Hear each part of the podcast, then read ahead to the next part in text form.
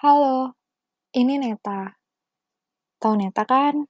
Ya, pokoknya ini tuh Neta gitu. Um, kamu lagi di mana? Lagi ngapain? Udah makan belum?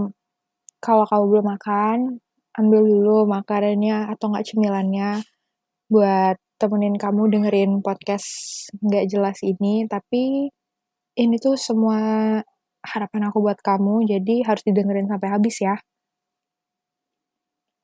Jadi ini tuh aku mau ngucapin selamat ulang tahun buat laki-laki yang nyaris tiga bulan ini jadi orang yang bisa bikin aku seneng dan kagum terus-terusan. Aku nggak mau sebut namanya, padahal namanya itu bagus banget. Bikin aku suka, bener-bener suka. Padahal cuma empat huruf doang. Tapi namanya sebagus itu.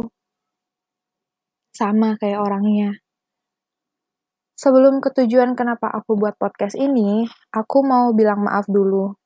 Maaf kalau suara aku jelek, soalnya emang suara aku nggak enak didengar, nggak selembut suara cewek lain, tapi cukup dengerin apa-apa aja yang mau aku sampein di sini ya.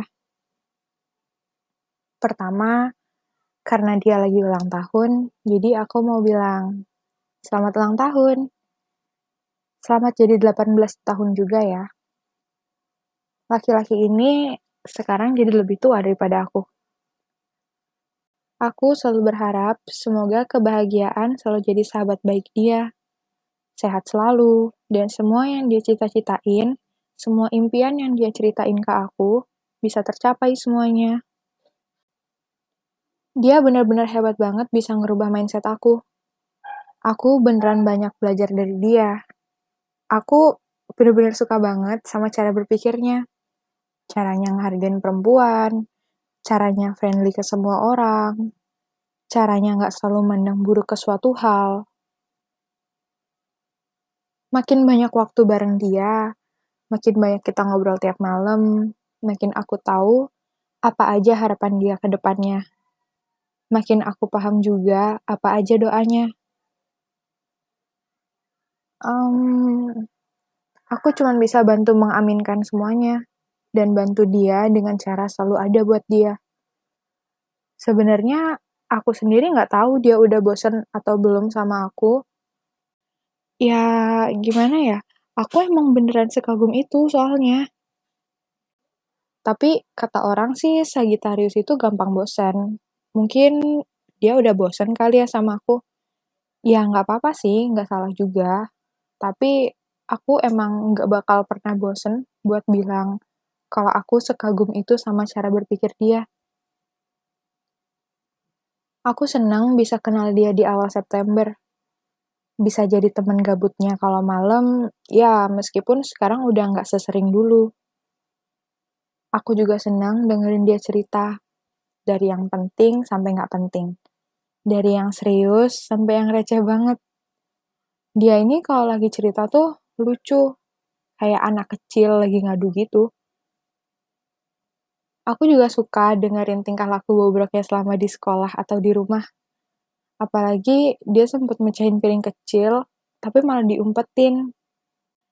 Aku juga suka nemenin dia masak atau makan tengah malam.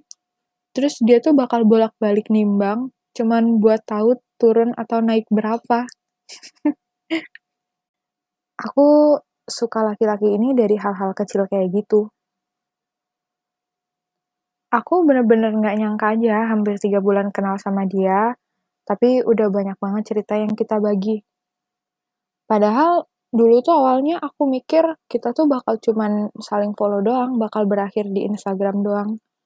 Tapi ternyata kita bisa jadi sejauh ini.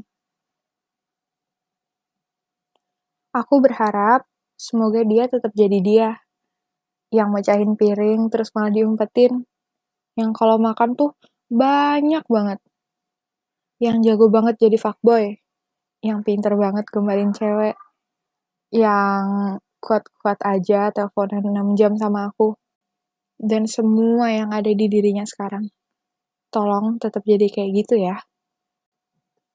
Aku juga mau bilang makasih banyak buat dia, karena udah selalu ada tiap aku chat bilang kangen. Makasih juga karena bikin aku nggak pernah ngerasa insecure selama kenal dia.